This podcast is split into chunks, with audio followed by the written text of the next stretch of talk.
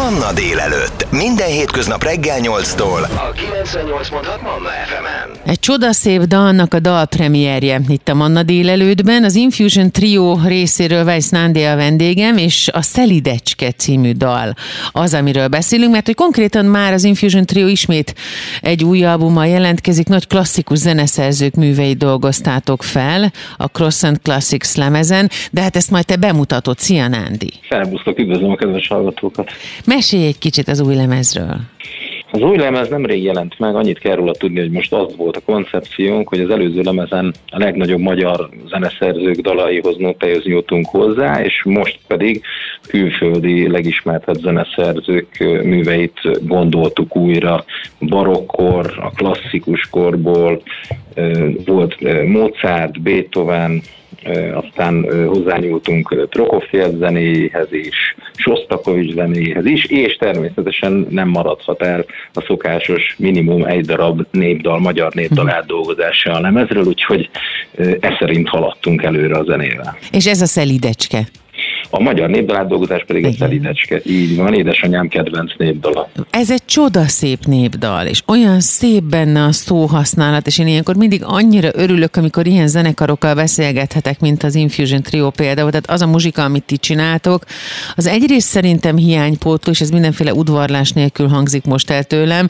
Másrészt pedig szerintem nagyon fontos, hogy az a, az a hangulat, az, az, az a mély igazság, azok az érzelmek, amik ezekben a klasszikusokban benne vannak, fogyaszthatóvá váljanak a fiatalok számára, tehát hogy ne vesszen el sem a hagyomány, sem pedig ez a régi bölcs mondani való, amik ezekben a dalokban benne vannak. Így fogadják a srácok? Mit tapasztaltok? Pontosan, pontosan egyébként nagyon jól összefoglaltad, hogy mi a lényeg az Infusion trio uh-huh. és mi miért is alakultunk, uh-huh. és mi, mi az, amire törekszünk. Én ugye Nemzeti Filharmonikus Zenekarban játszom, és kénytelen vagyok ész, nem tudom nem észrevenni a közönségen, hogy, hogy egyre idősebbek lesznek sajnos, és a fiatalok azok már nem nagyon járnak klasszikus zenei koncertekre, már pedig óriási érték, főleg a magyaroknak egyébként a klasszikus zene, úgyhogy mm, mi igyekszünk tényleg egy olyan vonalon haladni, egy ilyen határmesdje vagyunk szerintem a komoly és a könnyű zene között, hogy, hogy próbáljuk megszólítani a fiatalokat. Volt már arra precedens egyébként, pont az egyik Beethoven átiratunkat játszottuk el, egy, egy koncerten, és koncert után odajött egy ilyen 22 éves körüli fiatalember, és megkérdezte, hogy ez, álljuk már, hogy ez mi volt. És akkor elmondtuk neki, hogy ez Beethoven 7. szimfoniájának második tétele volt, és feltétlen menjen el, hallgassa meg eredetibe, mert hát az tulajdonképpen azért az az eredeti és ránk írt utána a Facebookon, hogy köszöni az élményt, elment és meghallgatta egy külföldi zenekar előadásában, és hogy soha nem gondolta volna, hogy ilyen katartikus élményben lesz része. Úgyhogy elértük a célunkat. Igen, de hogy e, a szelidecske is ilyen. Aztán közben ott van Ed Sheeran és Calvin Harris, és közben Prokofjev, és közben a, a, a magyar népzene, hogy ezekben mind olyan csodaszép, fájdalmas mélység van, ami szerintem hozzátartozik az emberi élethez, és az a, az a nagyon modern zene, amit most mindenféle ítélkezés és előjel nélkül, amit most annyira pörgetnek olyan sokan, az a maga könnyedségével, vagy fogalmazunk úgy, hogy könnyen emészthetőségével szerintem abszolút elmarad ezek mögött, és szükség lenne pontosan a, a, a kiegészítés miatt arra is, hogy ez minél több emberhez eljusson, mert a nagy igazságok ezekben a klasszikusokban vannak benne. Mi alapján válogatjátok össze, hogy melyik klasszikushoz nyúltok hozzá? Tulajdonképpen ezt úgy kell elképzelni, hogy az előző lemezünknél összeírtuk, ugye nem volt nehéz a legnagyobb magyar zeneszerzőket. Ugye mind a hárman aktív klasszikus zenészek vagyunk, tehát folyamatosan játszuk ezeket a műveket, úgyhogy nem volt nehéz összeírni a, a zeneszerzőket, utána, utána egész egyszerűen elkezdünk gondolkodni, hogy nekünk mi az első dallamfoszlány, ami bármelyik zeneszerzőre, hogyha gondolunk eszünkbe jut. Ezeket így összegyűjtögetjük, és akkor utána a legnagyobb munka az az, hogy hogy tudjuk ezt egy műbe belenyúrni, egy ilyen könnyű zenei műbe, hogy, hogy a legismertebb részek legyenek bennem. És akkor általában nálunk teljesen teljesen jól működik a, a szavazás, ugye hárman vagyunk, tehát legrosszabb esetben is el tudjuk dönteni, hogy akkor mi legyen és, de nem, nem szokott erre példa lenni, tehát általában abszolút egyetértésben történnek a dolgok. A szelidecskével kapcsolatosan az volt az érdekes, hogy a másik két tag, Izsák és Miska nem is ismerték ezt a dalt. Én csak azért ismertem ezt a dalt, mert édesanyám többször elénekelte nekem még gyerekkoromban, mert ez neki nagyon fontos és az egyik kedvenc népdala volt, és akkor ezt, amikor arra beszélgettünk, hogy akkor most milyen népdal dolgozunk, hát akkor én felvetettem, és így kerültünk ide. Ezt most meg is hallgatjuk, tessék kapaszkodni, mert varázslatos élmény következik, olyan mélységek, magasságok, hogy az embernek tényleg kigurul a könnye. Ez az Infusion Triónak az új albumáról egy csodálatos magyar népdal, a már sokat emlégetett Szelidecske. A beszélgetést pedig Weiss Nándival hamarosan folytatjuk.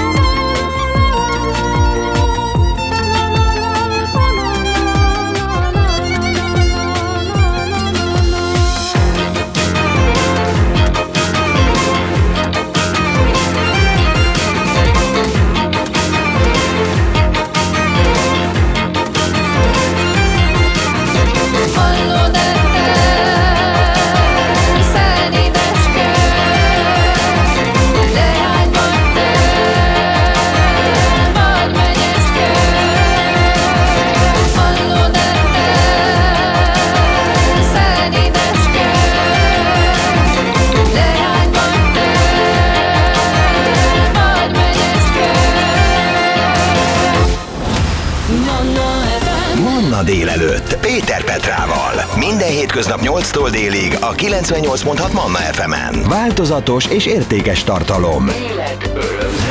Manna FM.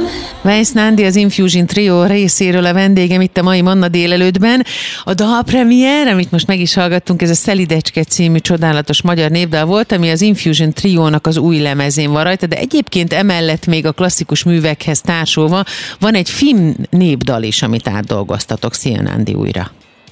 Sziasztok! Igen, az a finn népdalról az a rövid történet, hogy voltunk kint Finnországba turnézni, és egy teljesen véletlen, hirtelen ötlettől vezérelve megláttunk egy folyosón három darab pianinot, hm. és tudtuk, ismertük az egyetlen finn népdalt, amit ismertünk, azt le tudtuk valahogy játszani, és akkor csináltunk ebből egy ilyen oltári vicces videót, amit igazából nem gondoltunk komolyan, de aztán akkor átment a Facebookon, hogy amikor hazajöttünk, akkor azt mondtuk, hogy ez, ez akkor átment ez a videó, hogy ebben kezdeni kell valamit ezzel a zenével, és akkor mivel, hogy inkább komoly zenei átdolgozások vannak ezen az albumon, úgy gondoltuk, hogy csinálunk belőle egy ilyen igazi nagyzenekari tánc szvitet, ami, ami azt jelenti, hogy különböző komoly zenei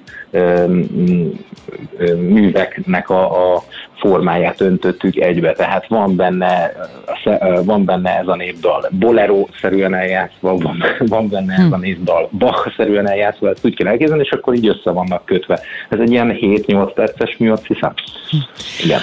A lemezzel kapcsolatban még beszélgetünk majd a különlegességekről, de hogyha visszatérünk a szelidecskére, ugye ez Kalos Zoltán által 1962-ben Fekete lakon gyűjtött dala, ez a Hallodete szelidecske eredeti címen. Itt, itt most csak szelidecskeként szerepel, és a videóklipje is csoda-csoda szép, de hát azt nem volt egyszerű összehoznotok. Igen, nagyon-nagyon rövid idő volt a videóklipre, mert valamit elnéztünk, egy dátumot elnéztünk, mint az nálunk szokás, mindenki ezerfele van, és én mondtam, hogy gyerekek, nézzük már meg, hogy mikorra kell elkészíteni egy videóklipnek, és megnéztük, és van rá körülbelül egy hetünk, egyeztetnünk kellett, ugye Czoller Bencét kértük fel idáig, rengeteg videoklipünket készített, ő is mindegyik zseniális lett szerintem, úgyhogy őt kértük meg most is, aki abszolút profin kezébe vette az irányítást, összekötöttük Pál Eszterrel, aki egyébként az énekesnő, szerintem az egyik legzseniálisabb magyar népdalénekesnő, akit most így tudnék említeni, úgyhogy mindenféleképpen beleszerettünk volna együtt dolgozni, meg gondoltuk, hogy akkor ezeket a régi népzenei értékeket most akkor új köntösbe öltöztetjük, de maradjon meg a népzenének az a bizonyos jellegzetes hangzása. Ezért választottuk őt, Pál Eszter.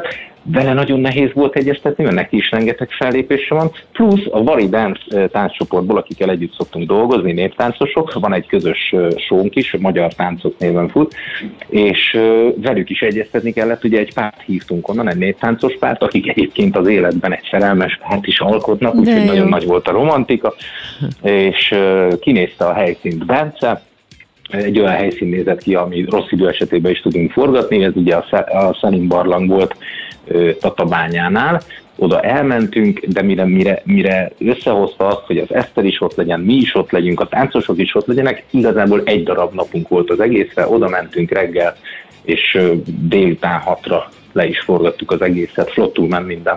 Ráadásul úgy, hogy megálltak a túrázók, akik arra jártak, és lett egy spontán mini koncert belőle, nem? Igen, igen, igen, ez nagyon vicces volt, mert ugye hát mindenki mondja, hogy mindenki mondta nekünk a Bence, hogy de gyerekek, nem kell feltétlen hangszert a videóklipbe, hogy csak úgy legyetek benne. Mi meg olyan zenészek vagyunk, hogy mi ragaszkodunk ahhoz, hogy mhm. hangszer uh-huh. legyen a kezünkben. Úgyhogy jó kitoltam saját magammal, mert az elektronikus dobfelszerelésemet a Szelim Barlang brutális sziklaszirtjén ott hordozgattuk lefele eléggé, eléggé rossz időjárási körülmények között, és akkor ezt a turisták ott látták, mert ugye hát nem béreltük ki a helyszínt, hanem csak így oda mentünk.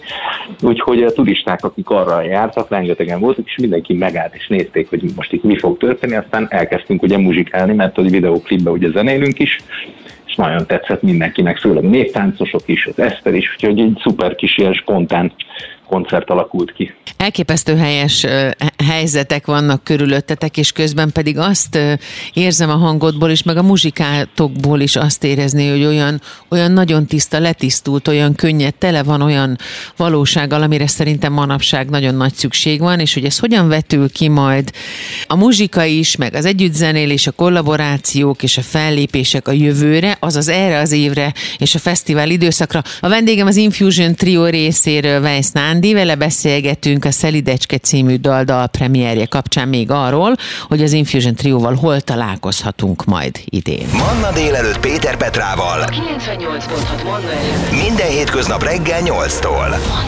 A Szelidecske című dal, dal premierjét tartjuk ma itt a Manna délelőttben, az Infusion Trio új albumáról. Ez a gyönyörű ma- magyar népdal az, amit már emlegettünk, elmeséltük már azt, hogy hogyan készült a klip, hogy miért pont ezt a dalt választották Nándi, Nándiék, de ígértem, hogy beszélgetünk még arról, hogy mire számíthatunk az Infusion Trio házatájáról, illetve hát koncertekkel kapcsolatban. Velük náluk 2023-ban a vendégem továbbra is Weiss Nándi. No hát hol láthatunk benneteket, Nándi? Szia újra! Sziasztok, üdvözlöm a kedves hallgatókat újból.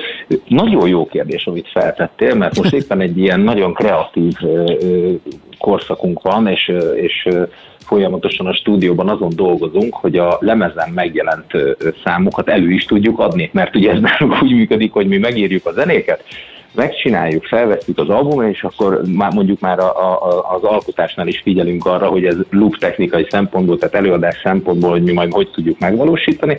És most vagyunk éppen abban a fázisban, hogy heti rendszerességgel próbálunk, többször is, nálam a stúdióban, a szokásos helyen, és akkor leülünk, és azt mondjuk, hogy na, akkor a mai nap a barokk mesápot fogjuk, best of barokkot fogjuk, és akkor elgondolkodunk, hogy mit kell csinálni, hogy kell csinálni, úgyhogy most ez a fázis van.